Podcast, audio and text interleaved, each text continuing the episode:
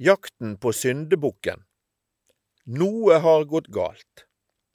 Ofte er den første innskytelsen da å finne ut hvem sin skyld det er at dette har skjedd. Vi trenger noen å bebreide og et sted å putte ansvaret.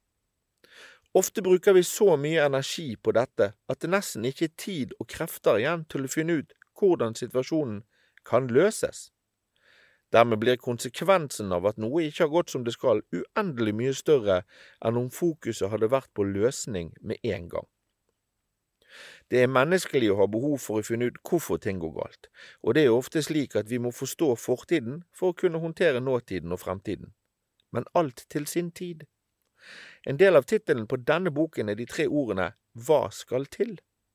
Hva skal til for å rette på det som ikke gikk som det skulle? Det er det viktigste spørsmålet vi kan stille når vi er midt i situasjonen. Hvordan løser vi dette? Er det mulig å løse dette? Og om ikke, må vi akseptere at det er sånn og gå videre, finne andre veier og måter. Ved å jakte på syndebukker flytter vi fokuset fra løsning til problem. Vi oppnår å forsterke det negative i situasjonen fremfor å rette opp det som gikk galt. Bruk disse tre ordene neste gang du får et behov for å bebreide noen, om det er deg sjøl eller andre, og spør heller hva skal til for å komme videre?